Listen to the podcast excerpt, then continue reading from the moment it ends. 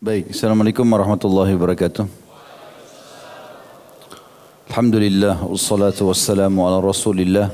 Segala puji dan puja kehadirat Allah subhanahu wa ta'ala juga salawat dan taslim kepada Nabi besar Muhammad sallallahu ala alihi wa sahbihi wasallam. Melanjutkan bahasan kitab Minhajul Muslim kita dan kita masih dalam bab solat.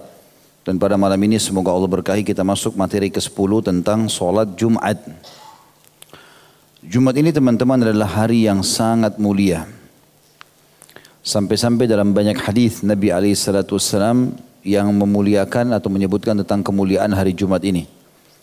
Di antaranya tentu tidak ada dalam buku kita disebutkan bahwasanya Nabi SAW bersabda, Yahudi telah memilih hari Sabtu sebagai hari raya mereka dan Nasrani telah memilih Ahad sebagai hari raya mereka dan aku diberikan petunjuk oleh Allah untuk memilih hari Jumat.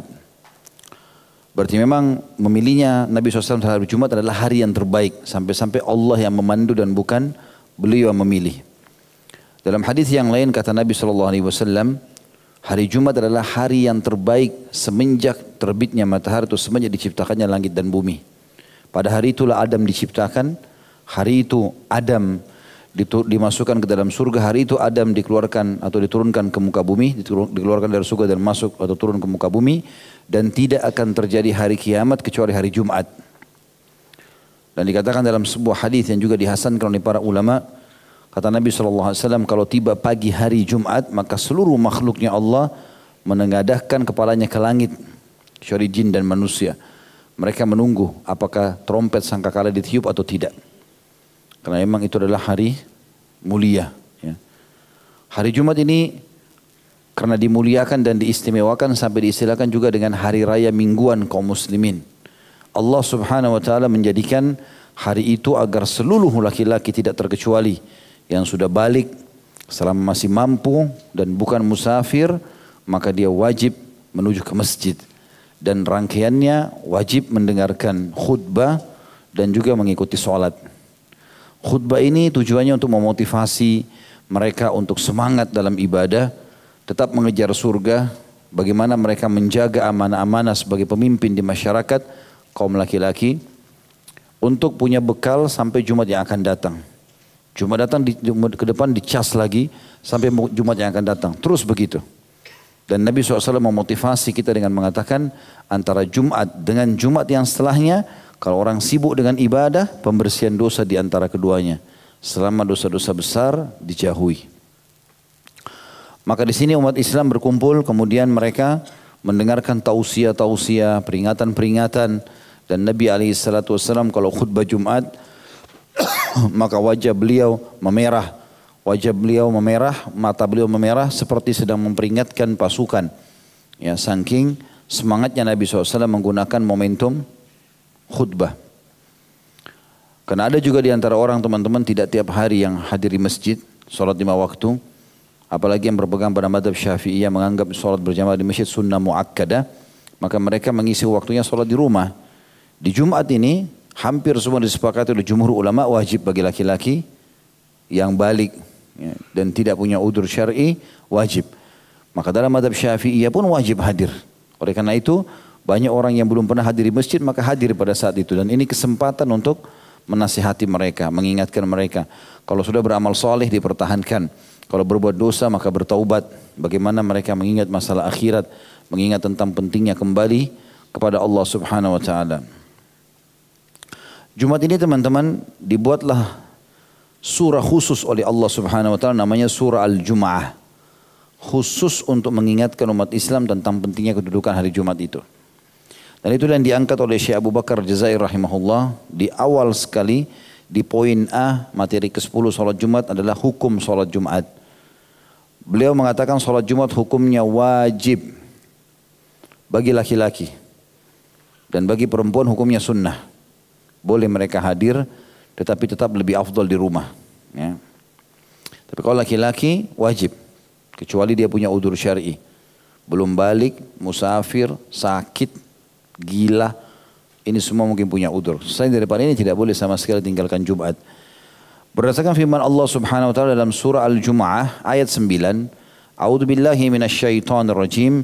Ya ayyuhalladzina amanu idza nudiya lis-salati min yaumil jum'ati fas'au ila dzikrillahi wa dzarul bai'.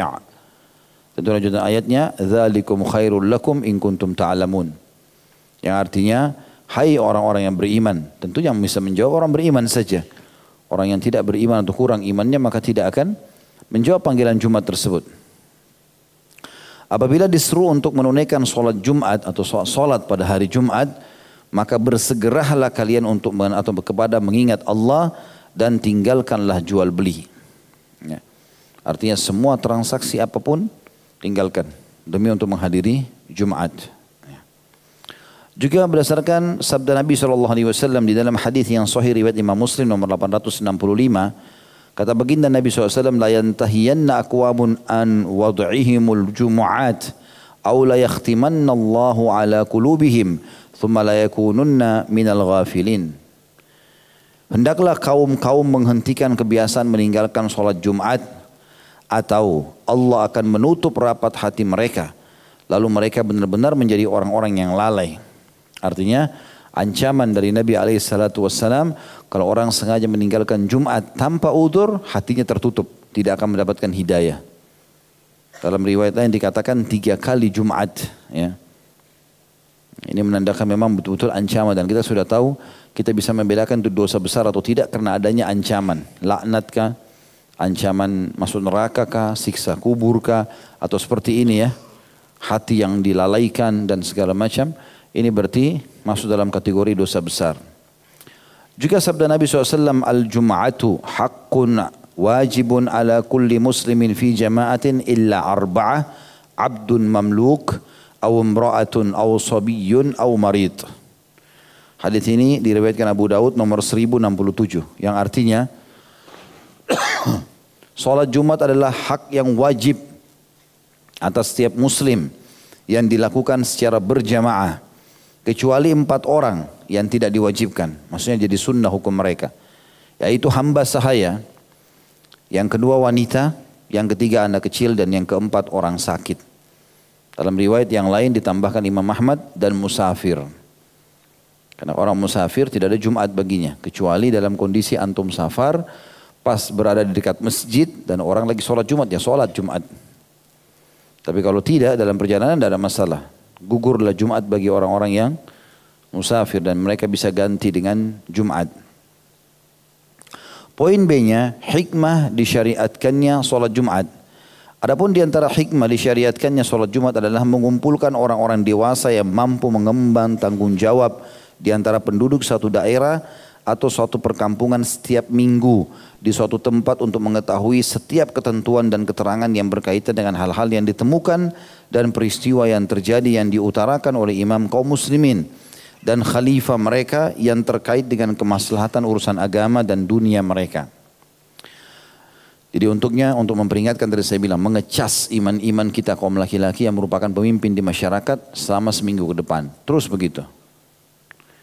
Juga mereka dapat mendengar anjuran serta peringatan, janji serta ancaman Allah yang maha suci dan maha pemurah yang dapat membangkitkan semangat mereka dalam menunaikan sejumlah kewajiban mereka serta mendorong mereka supaya menunaikannya dengan sungguh-sungguh dan penuh ketekunan selama satu minggu. Hikmah-hikmah tersebut dapat terlihat nyata bagi orang yang mau merenungkan sejumlah persyaratan serta kekhususan sholat Jumat. Karena di antara persyaratannya terkait erat dengan keberadaan satu perkampungan satu jamaah, satu masjid dan persatuannya. Kemudian keberadaan khutbahnya yang disampaikan khalifah atau penguasa diharamkannya berbicara saat pelaksanaannya sedang atau pelaksanaannya sedang terjadi maksudnya khutbah serta gugurnya kewajibannya dari seorang hamba sahaya, wanita, anak laki-laki dan orang sakit. Mengingat membebani mereka dengan kewajiban tersebut dipandang tidak sempurna dan mereka tidak termasuk orang-orang yang juga atau yang mampu menunaikan sejumlah tanggung jawab serta beberapa kewajiban disampaikan di atas mimbar. Jadi hikmahnya sangat luas. Kenapa sholat Jumat itu dilakukan? Ya. Poin C-nya keutamaan hari Jumat. Hari Jumat memiliki atau merupakan hari yang sangat utama serta agung dan sebaik-baik hari dunia. Sebagaimana Rasulullah SAW bersabda, khairu yaumin tala'at fihi syams yaumul jum'ah. Fihi wa fihi khulika Adam alaihi salam wa fihi udkhila al-jannah wa udkhil wa fihi udkhila ila al-jannah wa fihi ukhrija minha wa la taqumu as-sa'atu illa fi yaumil jum'ah. Sebaik-baik hari yang di dalamnya matahari terbit atau hari dunia maksudnya. Dari awal diciptakan sampai hari kiamat nanti. Ialah hari Jumat di mana pada hari itu Nabi Adam alaihissalam diciptakan, dimasukkan ke dalam surga, dikeluarkan dari surga dan kiamat tidak akan terjadi kecuali pada hari Jumat. Hadis ini sahih riwayat Muslim nomor 854. Jadi sudah semestinya mengagungkannya dengan mengagungkan Allah Subhanahu wa taala, memperbanyak amal soleh dan menjauhkan diri dari segala keburukan. Kita masuk lebih dalam teman-teman sekalian poin D-nya etika dan hal-hal yang patut dilakukan pada hari Jumat oleh orang yang akan menghadiri sholat Jumat. Sekarang kita sudah masuk kepada pelaksanaannya. Kita sudah sebutkan tentang hukumnya wajib, kita sudah sebutkan tentang hikmah disyariatkannya, dan kita juga sudah sebutkan keutamaannya hari Jumat. Sekarang saya mau kerjakan sholat Jumat, apa yang harus saya lakukan? Yang pertama, mandi bagi setiap orang yang akan menghadiri sholat Jumat dan ini hukumnya wajib. Sebagaimana sabda Rasulullah SAW, guslul jum'ati wajibun ala kulli muhtalim. Mandi Jumat itu diwajibkan atas setiap orang yang telah ihtilam atau balik. Hadis ini riwayat Bukhari nomor 858 dan Imam Muslim 846. Ya, ini kewajiban mandi ya. Dan ini boleh saja kalau teman-teman kerja keluar sebelum misalnya habis sholat subuh, pulang ke rumah, mau pergi kerja, mandi pagi hari itu niatkan mandi Jumat. Diniatkan dalam hati. Jadi nanti pada saat sudah ada Jumat di kantor atau dekat kantor, tinggal pergi hadir saja. Karena sudah mandi. Ya. Tinggal niat dalam hati saja kalau itu akan dikerjakan mandi Jumat. Jelas nggak ini? Ya. Kecuali kalau memang dasarnya kita ada eh, kantor kita atau tempat kita beraktivitas di sebelahnya ada masjid, ada beberapa masjid jamik besar Masya Allah disiapkan ruang untuk mandi.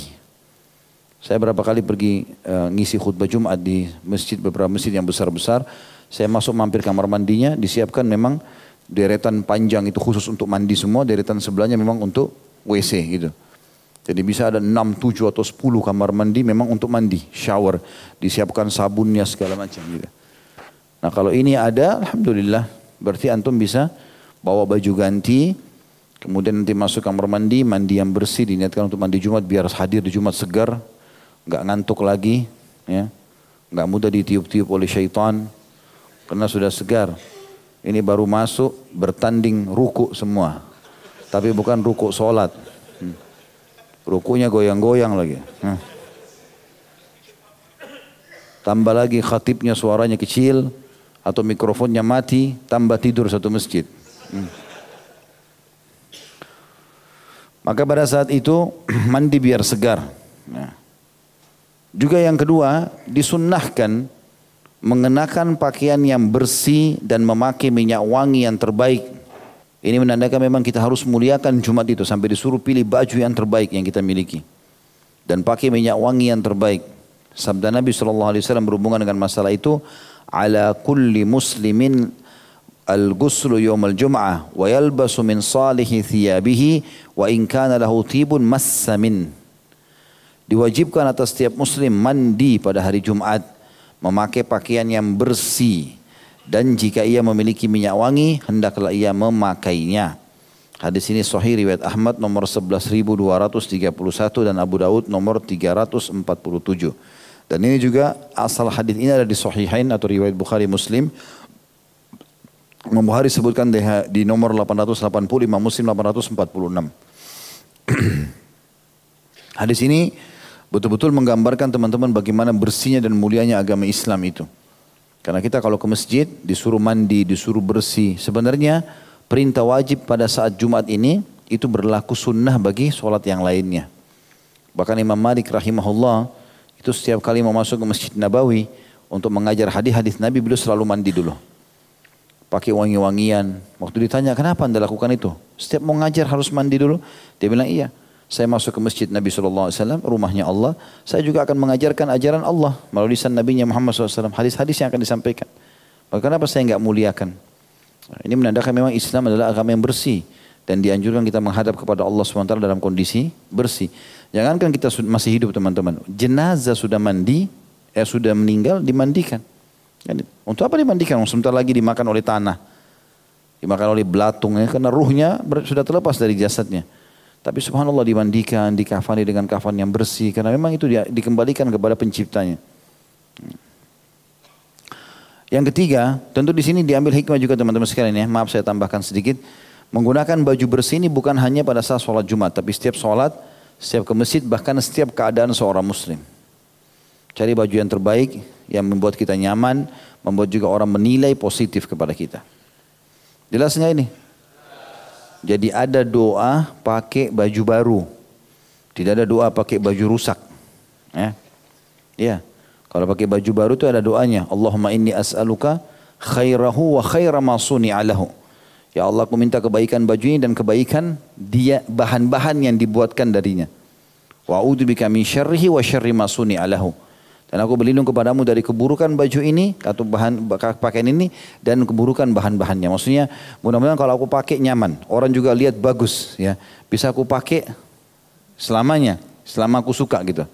Dan kita kalau lihat orang lain pakai baju baru kita doakan. Ya, itu doanya uh, tubli wa yukhlifullah. Semoga kau selalu pakai ya dan sampai sampai sampai kumuh lah ya sampai maksudnya sampai usang Ya, kamu pakai seluruh baju itu dan semoga Allah gantikan setelah itu. Ini doa, berarti kita motivasi teman-teman kita untuk pakai baju baru, kita doakan supaya baju itu selalu nyaman dia pakai dan kalaupun sudah tidak cocok, Allah gantikan. Juga ada doa yang lebih mulia daripada itu bunyinya ilbis jadidan. Kalau teman kita pakai baju baru, ya, semoga kau selalu pakai baju baru. Wa ish hamidan dan semoga kau selalu hidup bahagia. Wa mut syahidan, semoga pada saat kau mati mati syahid. Itu doa pakai baju baru. Berarti disuruh selalu pakai baju baru. Tidak apa-apa beli, yang lainnya sedekahkan ke orang. Gitu kan? Jangan baju itu sudah 25 tahun itu aja terus. 15 tahun itu aja terus dipakai. Ya. Bukan tidak boleh, tapi Allah suka melihat bekas nikmat pada hambanya. Kata Nabi SAW kepada seorang sahabat yang kelihatan kumuh, Nabi kasih dia uang lalu dia mengatakan saya cukup ya Rasulullah. Kata Nabi SAW, Allah suka melihat bekas nikmatnya pada hambanya. Kenapa kau enggak perlihatkan? Ada sahabat masuk masjid rambutnya berantakan. Nabi SAW bilang, suruh keluar orang ini. Sisir rambutnya dengan rapi. Baru masuk ke masjid. Nabi SAW mengatakan kalau aku tidak beratkan umatku, aku suruh mereka bersiwak di setiap kali wudhu. Dalam riwayat aku di setiap kali mau sholat. Selalu bersihkan mulut, rapikan rambut, pakai minyak wangi, pakai baju bersih. Begitu perintah agama. Berarti orang muslim tidak boleh bertolak belakang dengan ini. Kapan ada orang bawa mulutnya, na'udzubillah, bawa badannya, na'udzubillah. Semuanya orang a'udzubillahi rajim. Bukan cuma tutup hidung. Karena luar biasa baunya. Entah kenapa. Dan dia bisa betah itu bagaimana gitu. Belum lagi yang Allah uji dengan orang merokok dengan bau yang melekat di baju, mulutnya yang tidak nyaman. Tapi subhanallah syaitan hiasi seakan-akan itu bagus gitu. Padahal subhanallah kalau dia sudah tinggalkan dia akan sadar, oh ternyata dulu begitu ya bau saya gitu. Harusnya pakai minyak wangi teman-teman sekalian. Nabi SAW menggembarnya dengan minyak wangi sampai kadang-kadang dari rambut bulu netes minyak wangi itu. Alaihissalam. Jadi suka dengan kebersihan dan kerapian. Dan kita tahu janji-janji Allah tentang kebersihan kerapian di surga. Taman yang luas dan rapi, dipan-dipan, bantal-bantal, peramu, apa bidadari, pedadari yang luar biasa. Kalau kau lihat seperti mutiara, ya seperti permata, bidadara yang Allah bilang seperti mutiara yang berserakan dan segala macam hal. Semua keindahan dan kebersihan. Bahkan kata Nabi SAW, Inna Allah jamidun yuhibbul jamaah. Allah indah, bersih, rapi, suka dengan itu semua. Makanya manusia dibuat fitrah suka warna yang indah, penataan yang rapi, semua orang suka karena itu fitrah. Ya, kalau bertolak belakang dengan itu manusia tidak suka. Yang ketiga, berangkat pagi-pagi ke masjid, maksudnya lebih cepat. Bagi orang yang akan menghadiri sholat Jumat sebelum tiba waktunya. Berdasarkan sabda Rasulullah SAW, "Man iktasala yawmal jumati ghusl al-janabah, thumma raha fi sa'atil ula, faka'annama qarraba badanah." ومن رها في الساعة الثانية فكأنما قرب بقرة ومن راح ومن راح في الساعة الثالثة فكأنما قرب قبشا أقرا ومن راح في الساعة الرابعة فكأنما قرب دجاجة ومن راح في الساعة الخامسة فكأنما قرب بيضة فإذا خرج الإمام حضرت الملائكة يستمعون الذكر Barang siapa yang mandi pada hari Jumat sebagaimana mandi janabah. Dan ini kata sebagian ulama berarti menandakan disunnahkan seseorang menggabungkan antara mandi Jumat sama mandi junub. Kasihanlah yang bujang-bujang ini. Hmm. Karena harus punya pasangan dalam keadaan junub hari Jumat. Lalu mandi junubnya digabunglah sama mandi Jumat. Begitu-begitu hadisnya. Bukan saya ngarang-ngarangin. Hmm. Jadi kalau tidak ada antum niat saja. ya Allah mandi Jumat sama junub gitu ya. Apa boleh buat? Inna malu bin niat. Karena terlalu rewel, mau yang begini, mau yang begitu. Jadi barang siapa yang hari Jumat mandi, sebagaimana mandi janabah, kemudian berangkat pada waktu yang pertama, maka seakan-akan ia berkorban dengan seekor unta. Barang siapa yang berangkat pada waktu yang kedua, maka seakan-akan ia berkorban dengan seekor sapi. Barang siapa yang berangkat pada waktu yang ketiga, maka seakan-akan ia berkorban dengan seekor kambing yang bertanduk.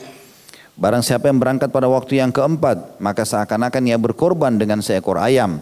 Dan barang siapa yang berangkat pada waktu yang kelima, maka seakan-akan ia berkorban dengan sebutir telur. Jika imam telah datang, maka niscaya para malaikat datang untuk mendengarkan peringatan khutbah. Hadis ini sahih diriwayatkan oleh Imam Malik. Baik. Pertanyaan di sini teman-teman sekalian, bagaimana kita membandingkan mana waktu pertama, mana kedua, mana ketiga, mana keempat, mana kelima? Bagaimana kita bedain karena kita mau kejar pahala seperti menyembeli unta. Kalau enggak minimal sapi, kalau enggak pindah ke kambing, kalau enggak pindah ke ayam. Minimal sekali sebelum khatib di atas mimbar, telur. Seperti sedekah dengan telur. Unta itu teman-teman harganya mahal. Kalau antum dapatkan sapi, ada yang sapi sampai 20 juta, unta lebih mahal. Unta itu bisa 50 juta, kalau yang bagus ya, mahal lebih mahal daripada itu. Jadi seperti antum hanya datang lebih cepat ke masjid, seperti berkurban itu pahalanya dicatat. Kalau telat sedikit seperti sapi, telat sedikit seperti kambing berdomba domba yang bertanduk. Di jantan yang bertanduk ini cukup mahal juga harganya. Kalau telat sedikit seperti ayam, telat sedikit seperti telur. Tolok ukurnya sampai sebelum khatib naik di atas mimbar. Baik. Ulama berbeda pendapat. Ada yang mengatakan yang dimaksud dengan waktu pertama adalah mulai dari subuh. Jadi antum sebelum subuh sudah mandi Jumat, Sholat subuh di masjid udah nggak keluar sampai Jumat. Ini pendapat yang pertama. Mengatakan bahwasanya kalau mau dapat unta ya seperti itu. Ada pendapat yang kedua dan ini lebih fleksibel. Mereka mengatakan Allah subhanahu wa ta'ala merahasiakan waktu-waktu ini. Nabi gak tentukan misalnya pada saat matahari tergelincir begini, pada saat begini. Nabi gak kasih isyarat. Nabi cuma bilang waktu pertama, waktu kedua. Dan dirahasiakan itu supaya memang umat Islam bersaing untuk mendapatkannya. Tapi bukan mustahil, waktu-waktu ini sangat berdekatan.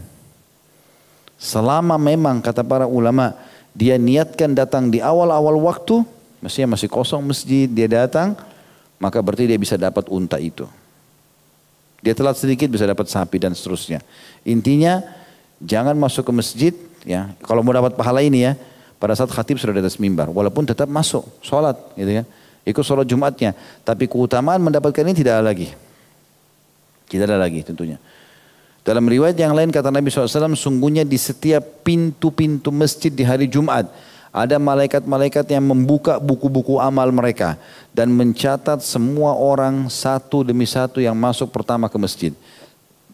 Sampai kalau imam atau khatib sudah naik di atas mimbar, maka mereka menutup buku-buku amal itu, lalu mereka ikut mendengarkan peringatan. Jadi hari Jumat itu makanya hening sekali. Karena dihadiri oleh makhluk Allah yang mulia malaikat. Ya. Oleh itu teman-teman kita jangan santai-santai ini banyak orang begitu. Duduk masih nongkrong di kantor, di ruangannya, padahal masjid di sebelah. Atau duduk yang lebih parah lagi di depan masjid ngobrol sama temannya. Kenapa nggak masuk masjid tinggal satu langkah dapat dapat sapi, dapat unta. Lu di depan ngapain nong, dapat apa ngobrol ini? Kenapa gak ngobrol tadi atau tidak ngobrol nanti habis Jumat? Masuk. Ustaz saya nggak tahu mau buat apa di Assalamualaikum Untuk pemesanan paket umroh murah Bisa menghubungi 0821 4196 0857 Kami ulangi sekali lagi Untuk pemesanan paket umroh murah Bisa menghubungi 0821 4196 0857 Sekali lagi 0821 4196 0857 Terima kasih. Masjid baca surah Al-Kahfi. Kata Nabi SAW siapa yang baca Al-Kahfi pada hari Jumat Dia akan selamat dari fitnah Dajjal. Ada riwayat lain siapa yang membaca Al-Kahfi pada malam Jumat dia akan diberikan cahaya oleh Allah antara dia dengan Baitul Atiq dengan Ka'bah Nah, sebagian ulama mengatakan dia akan terbiasa nanti menziarahi atau mendatangi Ka'bah. Perbanyak salawat pada Nabi SAW. Kata Nabi SAW, hari Jumat adalah hari yang terbaik kalian. Maka berbanyaklah salawat untukku pada hari itu. Baca Allahumma salli Muhammad. Sampai khatib datang.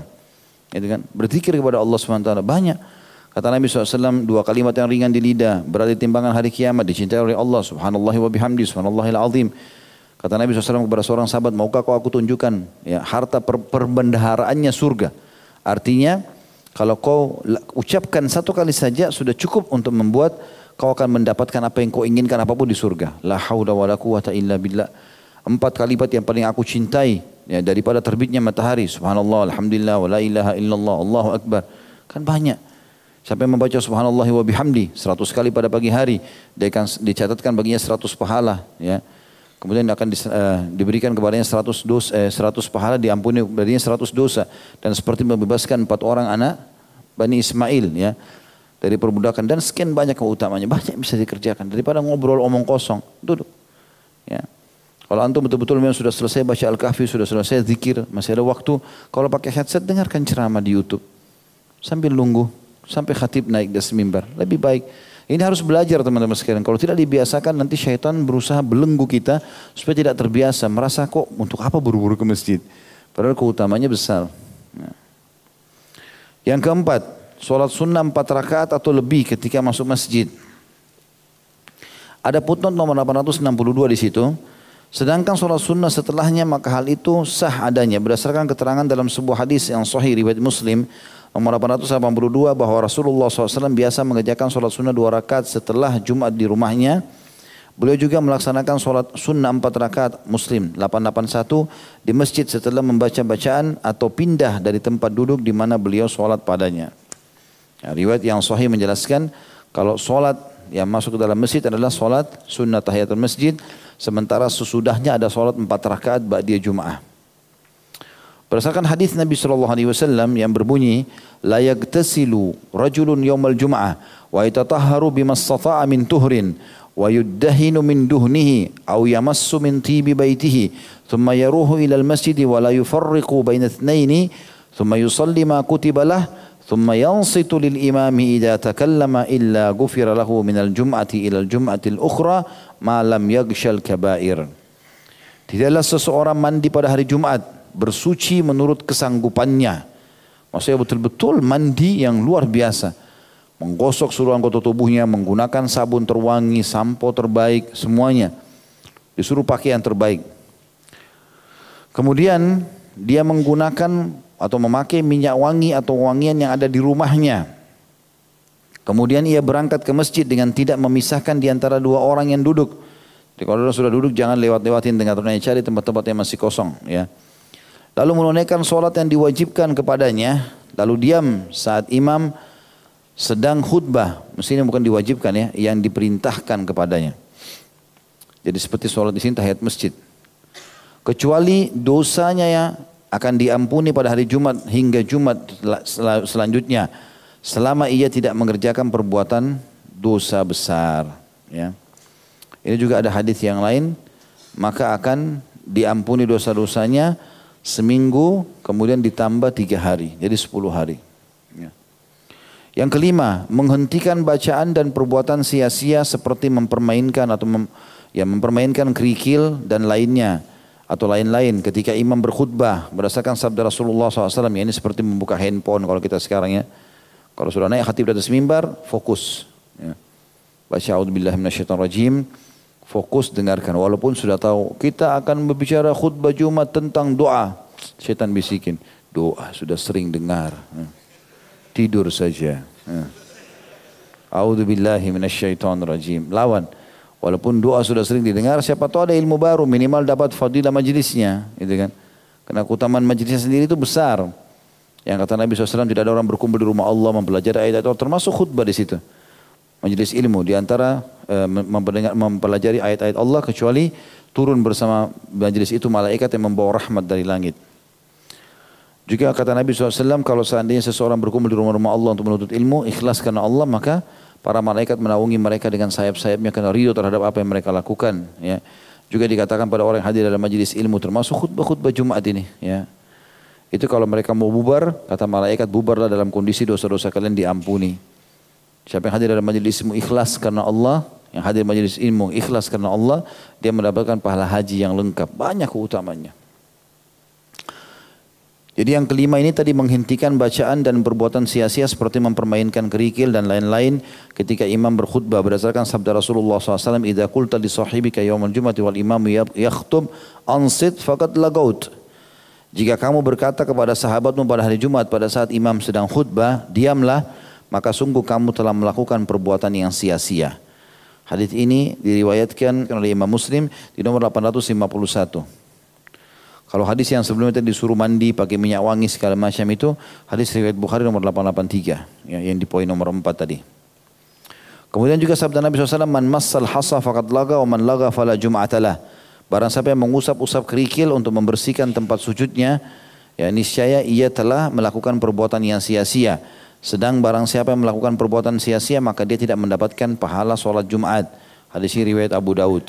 Kata sebagian ulama, maksudnya tidak mendapatkan tadi keutamaan seperti menyembelih unta, sapi, kambing dan eh, apa namanya ayam serta telur. Ya. Tapi kalau orang datang dalam kondisi dia buru-buru dia masuk masjid dan imam sudah sholat, maka dia tetap dapat pahala Jumat. Tapi Jumatnya, pahala sholatnya saja. Cuma keutamaan-keutamaan tadi sudah tidak dapat lagi. Yang keenam, jika seseorang memasuki masjid ketika imam sedang khutbah, hendaklah ia Salat sunnah tahiyat masjid dua rakaat dengan ringan. Hal itu berdasarkan sabda Rasulullah SAW, "Idza dakhala ahadukum yawmal jum'ati wal imamu yakhtub, falyarka raka'ataini wal yatajawwaz fihima." Jika salah seorang di antara kalian memasuki masjid pada hari Jumat, ketika imam sedang khutbah, hendaklah ia tetap ruku atau sholat dua rakaat, dan hendaklah melakukannya dengan ringan pada keduanya. Hadis ini riwayat Abu Daud nomor 1117. Ya.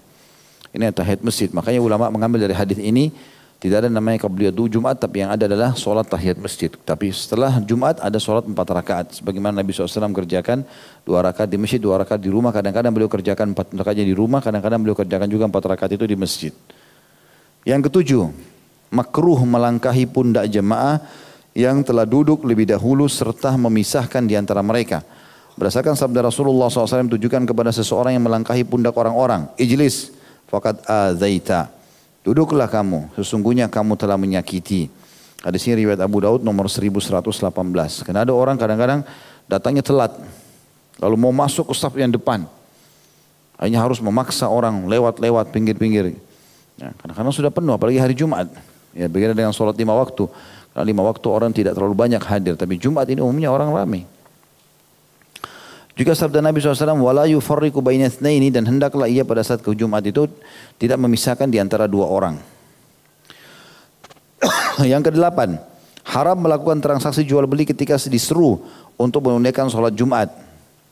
Hal ini berdasarkan firman Allah Subhanahu wa taala dalam Jumat ayat 9, A'udzu billahi minasyaitonir rajim ya ayyuhalladzina amanu idza nudiya lis-salati min yaumil jum'ati fas'au ila dzikrillahi wa dzarul bai'.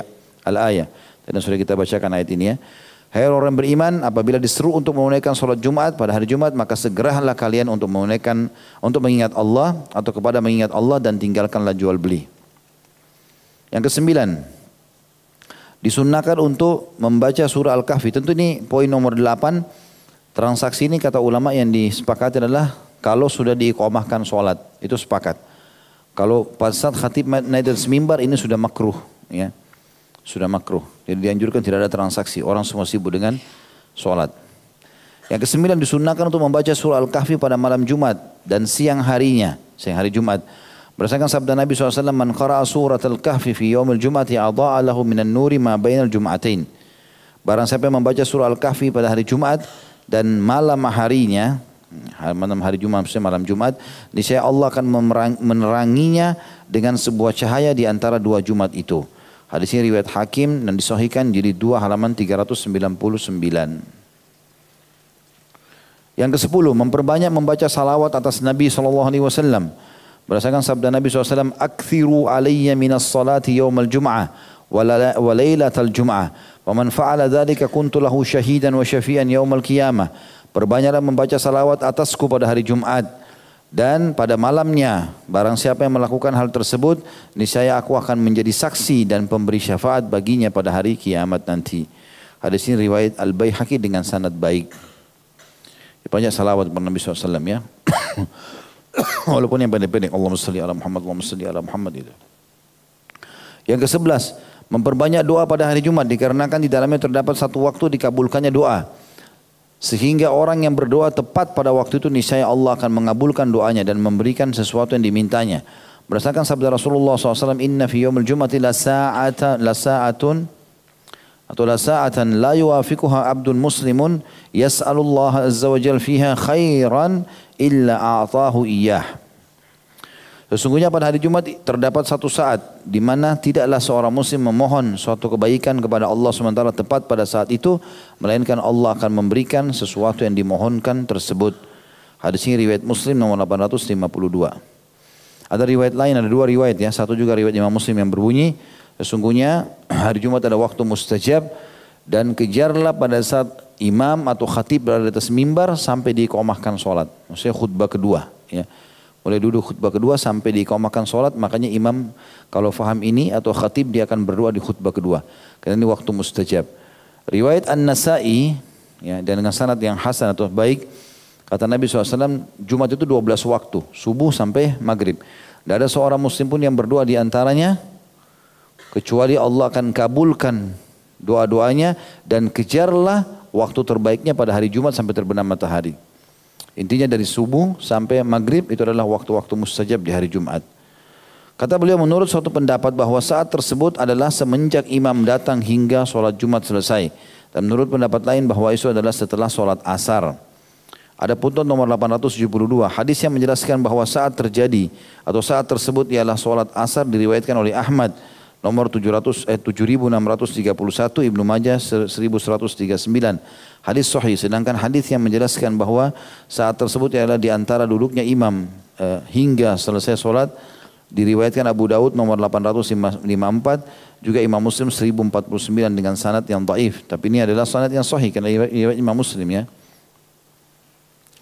Kita masuk ke poin selanjutnya tentang syarat-syarat wajib Jumat yang pertama laki-laki Jadi tidak diwajibkan atas wanita. Yang kedua merdeka. Jadi tidak diwajibkan atas hamba sahaya. Yang ketiga balik. Jadi tidak diwajibkan atas anak kecil. Yang keempat sehat. Jadi tidak diwajibkan atas orang sakit dan tidak mampu menghadirinya. Yang kelima berada di tempat. Jadi tidak diwajibkan atas musafir atau orang yang berpergian. Semua itu berdasarkan sabda Rasulullah wasallam, "Al-jum'atu haqqun wajibun ala kulli muslimin illa arba'ah, abdun mamlukun aw imra'atun aw sabin aw marid." Ya. Salat Jumat itu adalah hak yang diwajibkan atas setiap orang muslim atau orang Islam kecuali empat orang yaitu hamba sahaya, wanita, anak kecil serta orang sakit. Hadis ini diriwayatkan oleh Abu Daud dari Tariq ibn, uh, Tariq ibn Shihab. Juga sabda Nabi SAW, Man kana yu'minu billahi wal yawmil akhir fa'alaihi al-jum'atu yawmal jum'ati uh, illa maridan au musafiran au imra'atan au sabiyan au mamlukan.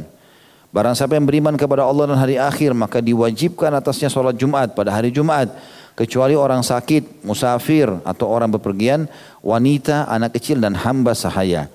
Hadis ini diriwayatkan Darul Qutni di jilid 2 halaman 3 dan Al-Baihaqi jilid 3 halaman 184. Semua orang yang disebutkan serta setiap orang yang tidak diwajibkan atas mereka menunaikan sholat Jumat dibolehkan menunaikannya bersama imam serta dianggap gugur darinya kewajiban menunaikan sholat duhur. Ketentuan tersebut berlaku untuk selamanya. Selanjutnya itu tadi orang-orang yang wajib Jumat. Sekarang kita masuk syarat sahnya Jumat. Dilaksan, pertama dilaksanakan di suatu perkampungan. Jadi tidak sah sholat Jumat yang dilaksanakan di daerah pedalaman atau dalam perjalanan. Nah, di sini maksudnya pedalaman itu nggak ada penghuninya, ya. Cuma ada dua rumah, gitu-gitu. Itu yang dimaksudkan. Atau mungkin tidak ada, tidak ada rumah. Orang cuma mampir orang Badui pakai kemah nanti pindah lagi, gitu kan. Karena pada masa Rasulullah SAW tidak pernah dilaksanakan sholat Jumat kecuali di suatu kota atau di suatu perkampungan. Dan Nabi SAW tidak pernah memerintahkan penduduk daerah pedalaman supaya menunaikannya. Dan berdasarkan mayoritas perjalanan beliau SAW tidak ada keterangan yang menjelaskan bahwa beliau menunaikan sholat Jumat selamanya. Ya, tapi di sini tentu yang dimaksudkan adalah pendapat yang paling kuat menyatakan sholat Jumat wajib dan apa yang telah wajib dalam jumlah jemaah. Jumlah jemaah sholat wajib lima waktu, satu imam, satu makmum, maka berlaku juga pada Jumat. Sementara riwayat yang mengatakan harus 40 orang ini sebenarnya dinukil dari kisah As'ad ibn Zurarah. As'ad ibn Zurarah radhiyallahu anhu. Ini orang Ansar di Madinah. Waktu Nabi SAW menerima kewajiban Jumat di Mekah, maka beliau termasuk orang yang pertama mengumpulkan orang di rumahnya. Kebetulan berkumpul 40 orang. Sama beliau 40 orang. Sebagian orang mengambil ini adalah syaratnya 40 orang baru bisa Jumat. Padahal pendapat yang paling kuat tidak. Karena kalau tunggu 40 orang belum tentu. Sekarang antum satu komplek mungkin cuma ada 20 rumah. Tapi ada masjidnya, ada Jumat. Masa nggak boleh Jumat? Gitu kan? Yang benar adalah sebagaimana syarat Jumat, ya, syarat berjamaah maka itu juga Jumat. Pernah ada orang, beberapa ikhwah kita yang kerja di luar negeri, di negara kafir, dia bilang sama saya, saya ke sana kebetulan mampir, Ustaz, saya kerja di pabrik, ini negara non muslim. Tidak ada sama sekali Jumat. Soal lima waktu pun tidak ada. Masjid tidak ada. Apakah kami gugur Jumatnya? Saya bilang kalau pendapat, ada pendapat mengatakan gugur karena nggak ada masjid. Tapi ada pendapat mengatakan tidak. Tetap aja Jumat biar bukan di masjid boleh. Gitu kan? Dan antum tetap bisa wajib kerjakan karena antum sudah jumlahnya lebih. Rupanya saya tanya berapa orang orang muslim? Ada lima atau enam orang. Tapi yang lain tidak mau diajak sholat Ustaz. Cuma saya berdua ini selalu sholat. Baik, yang satu jadi imam dan khatib, yang satu jadi makmum. Jangan ketinggalan Jumat. Karena ada ancaman hati akan dilalaikan kalau sengaja meninggalkan Jumat. Yang kedua, dilaksanakan di masjid. Jadi tidak sah menunaikan sholat Jumat dalam suatu bangunan atau jumlah atau juga halamannya yang selama yang selain masjid. Hal dimaksudkan agar kaum muslimin tidak kepanasan atau kedinginan yang dapat mengganggu kesehatan mereka. Ini pendapat ya. Saya sudah bilang tadi, ada pendapat lain mengatakan boleh Jumat di mana saja di mana saja termasuk di tanah lapang segala macam. Kalau masjidnya tidak ada. Kalau masjid masih ada ya silahkan dan masih nampung. Kalau enggak maka enggak ada masalah. Diadakan Jumat di gedung-gedung kayak kita di kantor-kantor mungkin di Sudirman. Orang kalau mau keluar masjidnya jauh, tapi beling siapkan satu lantai semuanya masjid. Maka boleh khutbah di situ. Ya. Yang ketiga, khutbah jadi tidak sah. Eh, jadi tidak sah sholat Jumat tanpa adanya khutbah. Maksudnya harus ada khutbah ya. Karena sholat Jumat tidak disyariatkan kecuali karena adanya khutbah. Jadi kalau tidak ada khutbah ya sudah. Baik Ustaz tidak ada orangnya. Khutbah, khatib. Antum ambil satu tafsir. Baca ayat dengan terjemahannya. Mulai dengan peringatan itu saja. Duduk di antara khutbah. Kemudian yang kedua, khutbah kedua berdoa. Udah, iqamah sholat. Tidak ada yang sulit sebenarnya. Bahkan Nabi SAW mengatakan termasuk kecerdasan orang dalam memimpin Jumat itu adalah memperpendek, bukan memperpendek sebenarnya, menyederhanakan khutbahnya dan melamahkan sholatnya. Yang penting padat gitu loh, berisi. Poin G-nya, sholat Jumat tidak diwajibkan atas orang yang jauh dari suatu perkampungan.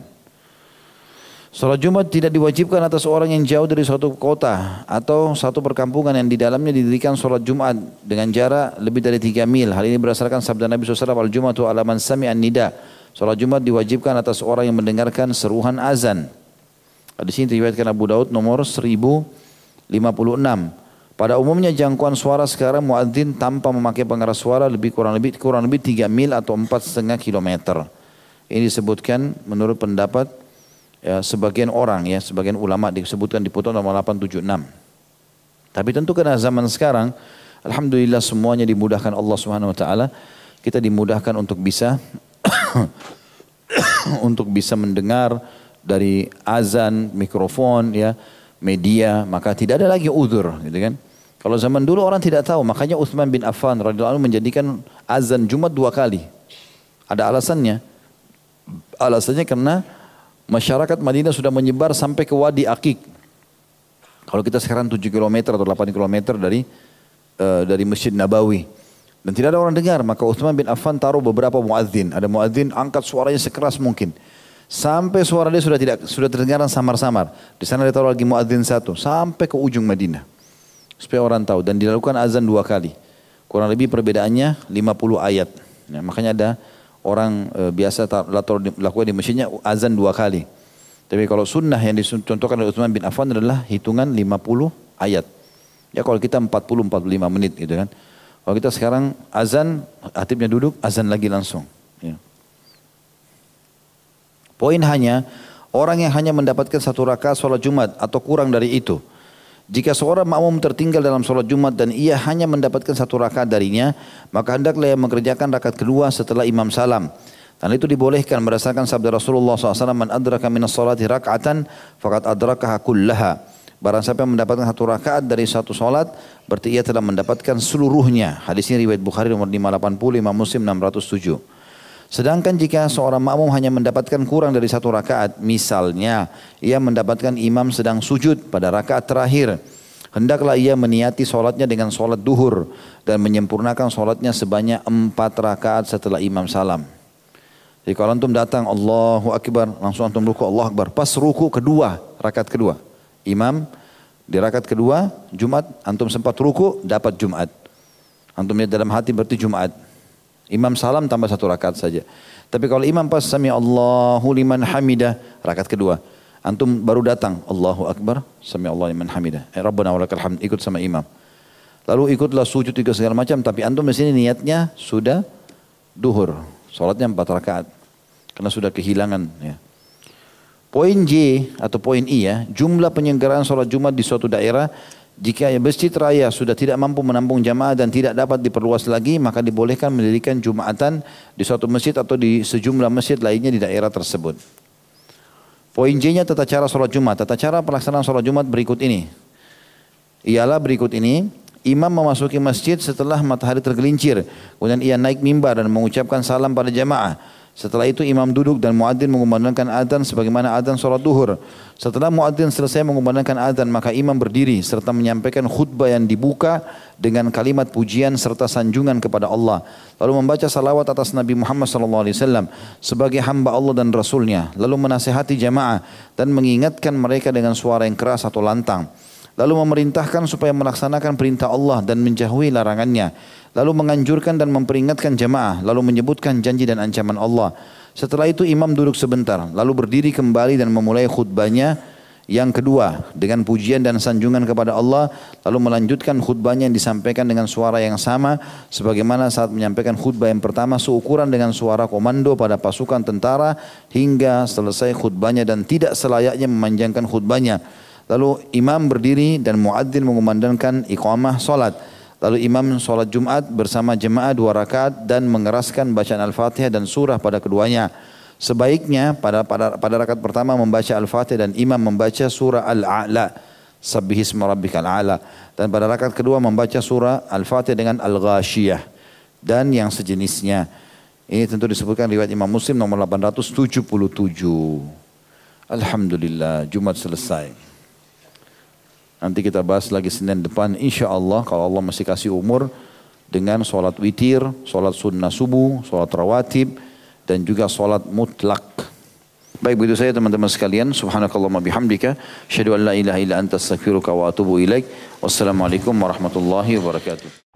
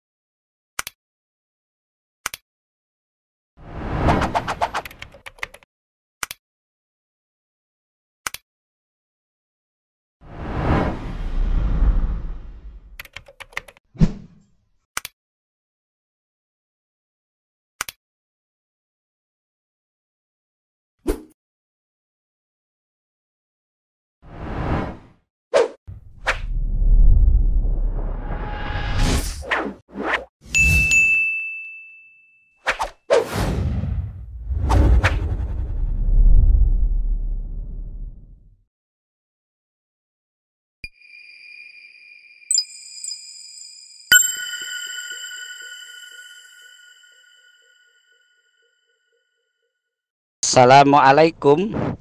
Untuk pemesanan paket umroh murah bisa menghubungi 0821